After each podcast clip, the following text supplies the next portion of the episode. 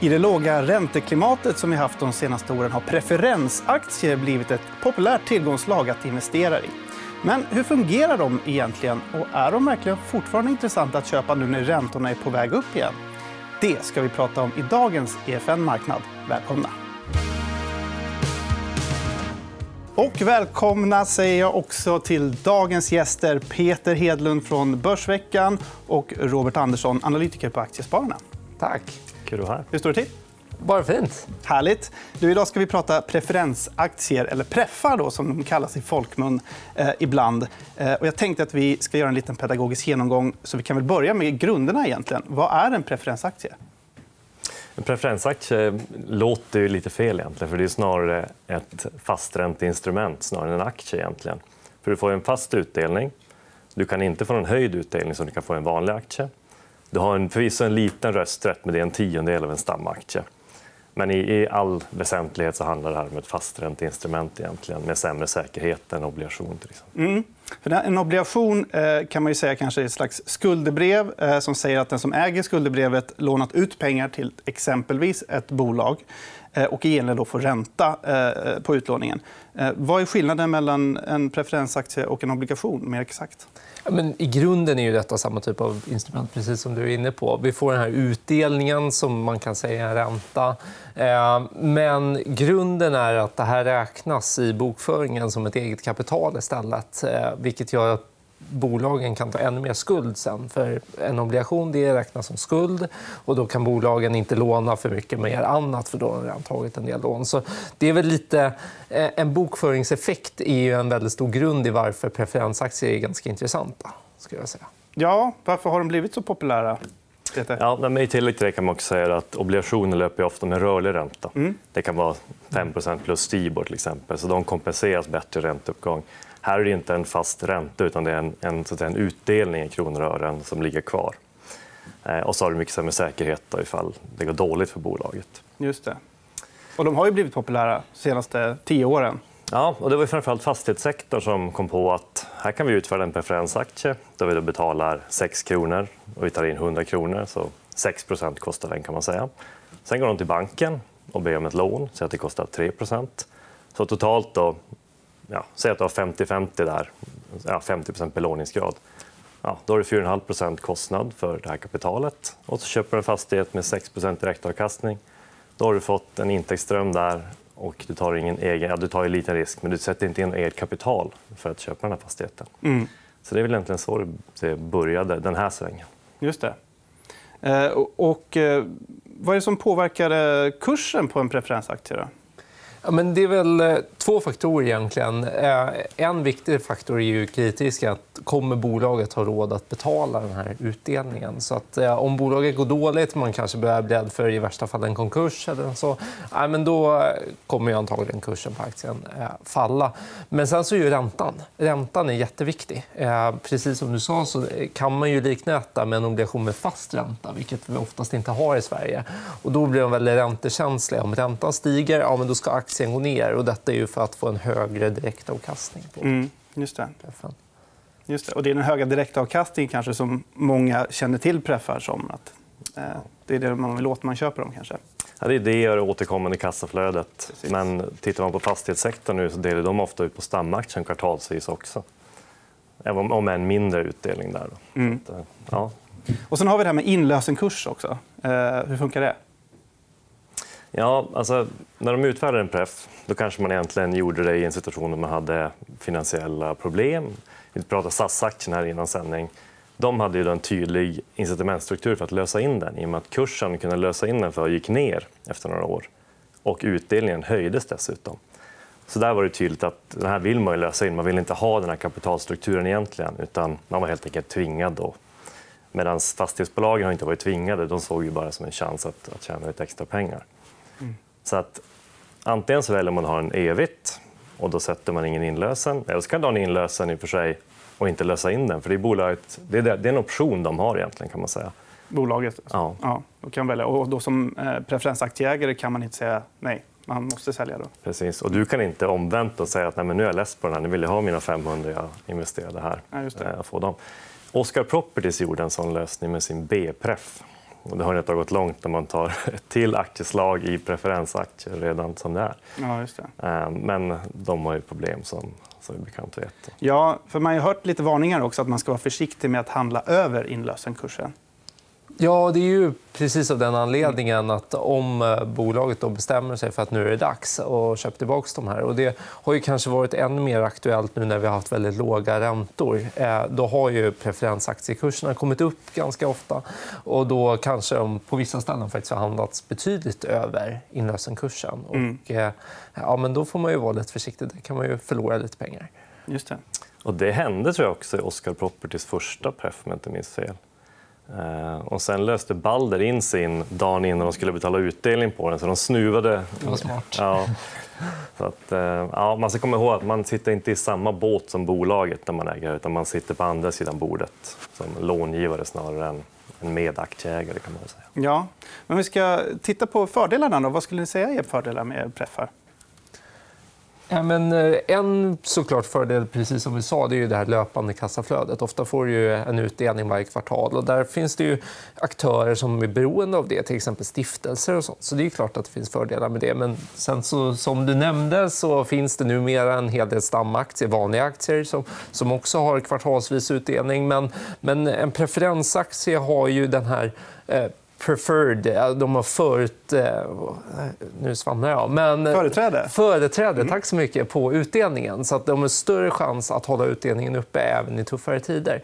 Så en aktör som verkligen behöver ha sitt kassaflöde, det kan vara bra med mm. preferensaktie. Just det. För det kanske är värt att säga också. Preferensaktier, det finns inget fast format egentligen. I USA är det snarare som en konvertibel då du får en hög direktavkastning och kan omvandla till stamaktier.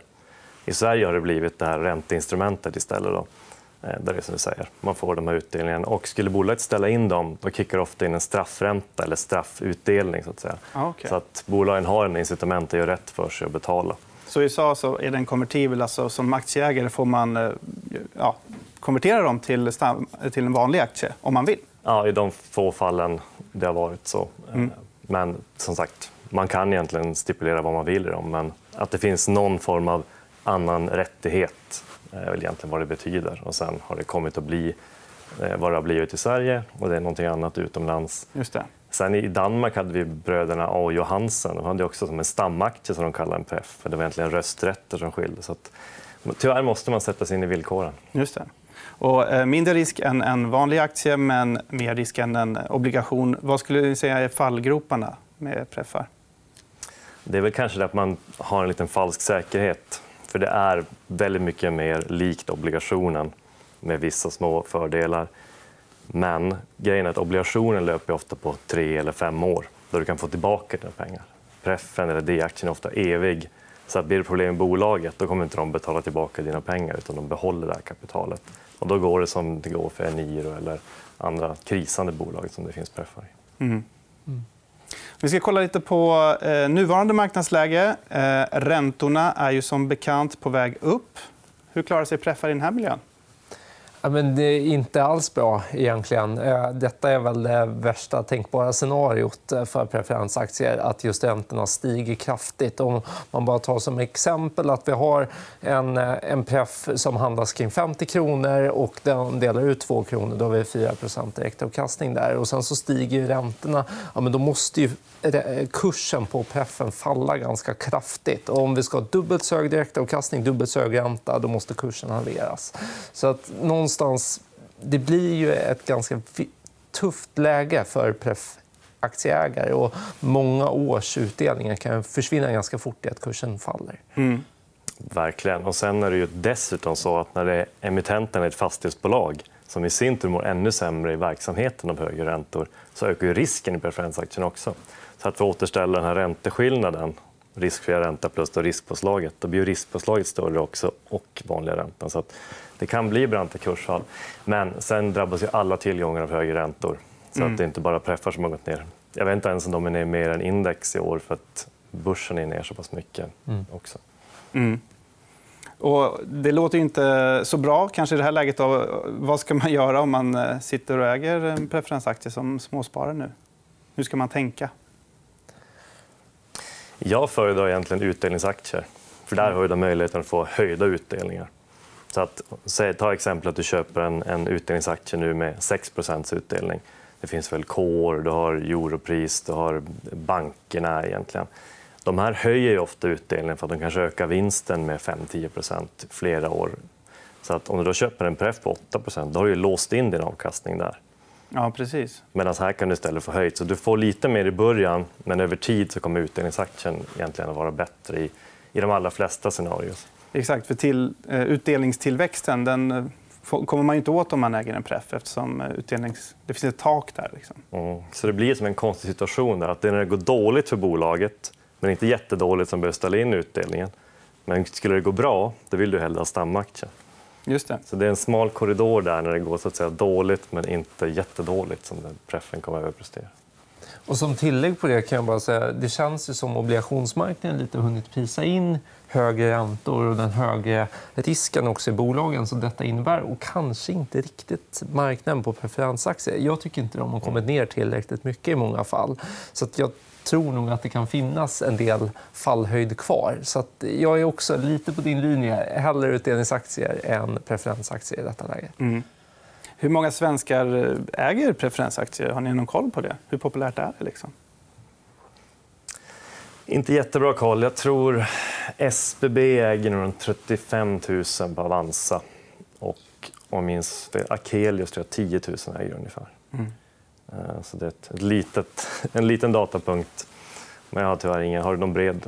Nej, inte jag heller. Nej. Eh, men de stora som D-aktierna eh, de har ju ändå många ägare. Men... Ja. Vad är skillnaden på en D-aktie och en preferensaktie? Ja, men det är ganska stor skillnad. Kan vi säga. Dels så har du inte det här företrädet på utdelningen utan oftast, återigen, man får läsa villkoren. Eh, men ofta så har du någon slags multiplikator. att eh, Du får fem gånger utdelningen för stamaktieägarna. Till exempel tror jag SBB har. Mm. Eh, högre risk, helt enkelt. Ja, jo, men det är betydligt högre risk. Och samma sak så har du inte företräde vid en eventuell konkurs och så, som en preferensaktieägare har. Så betydligt högre risk. Samma sak med att utdelningen är kapad eller det finns ett tak på den. Eh, så du kan ju inte få den här fina utdelningstillväxten över tid. Eh, och därav också en stor räntekänslighet. Just det. Men är det, hög, det är högre risk än stamaktier också? Eller ungefär lika där kanske? Ja, men eftersom utdelningen är högre och är kapad på mm. oftast en relativt låg nivå mot vad bolaget borde ha råd att betala så Nej, men lägre kortsiktig risk än stamaktier. Ska jag säga. Man kan säga att du kompenseras inte för den risk du tar. Kan man säga. Om vi tar SBB. Nu har vi stamaktien som ger 10-11% kanske. D-aktien mm. ger väl 12-13. Men blir det riktigt illa, var så säker att utdelningen på båda kommer ryka. Och mm. men nu kanske stamaktien kanske sänks så man ändå kan bibehålla D-aktien. För det som du säger, det är oftast fem gånger stamaktiens utdelning men fortfarande det här taket. Då. Och skulle de ställa in utdelningen, en press, då får du någon sån straffränta eller en kompensation i en uppräkning under tiden du inte får betalt.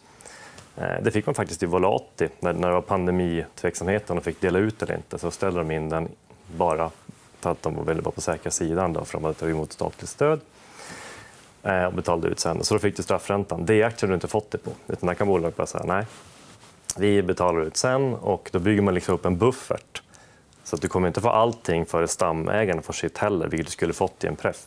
Men det i aktien då blir det de här fem gånger den utdelningen och så betar man av på det här överskottet. Så att, ja, det, det, är sämre helt enkelt.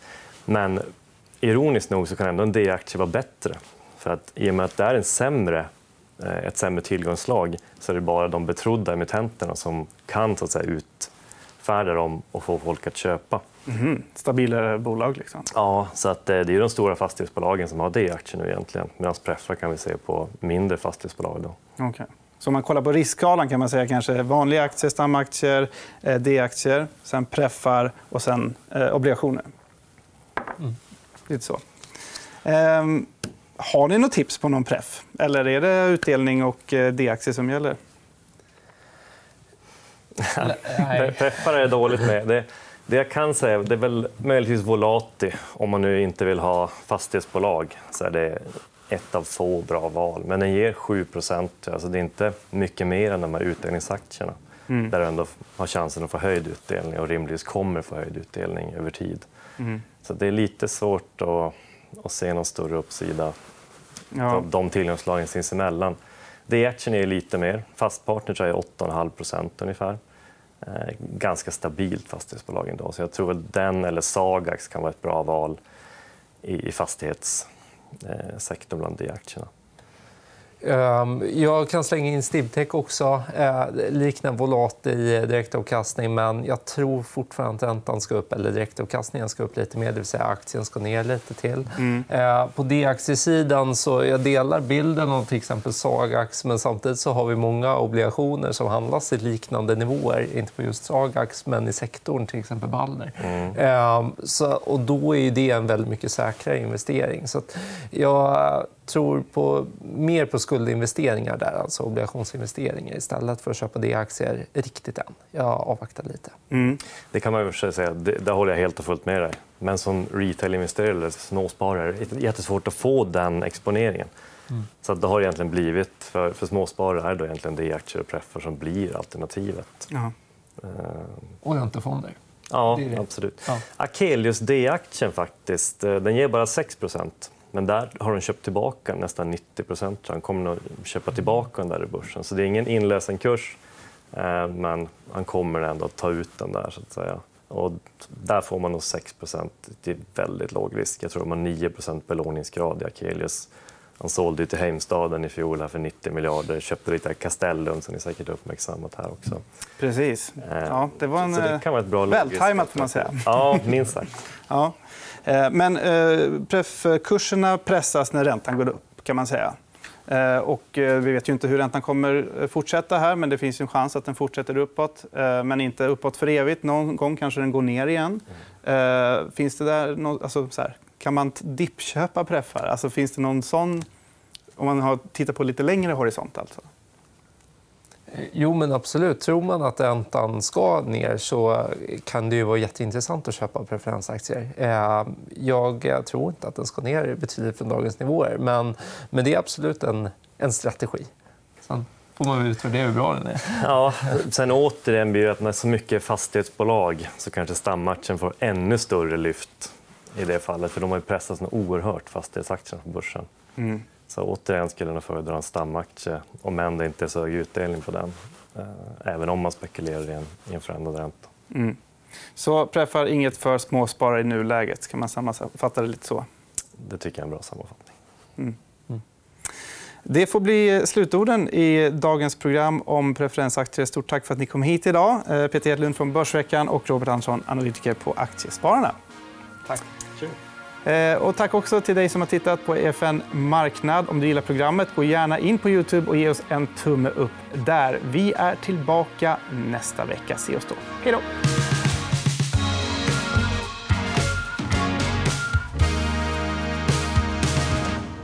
Du har lyssnat på EFN Marknad, en podd av EFN Ekonomikanalen. Mer om ekonomi och aktier finns på efn.se.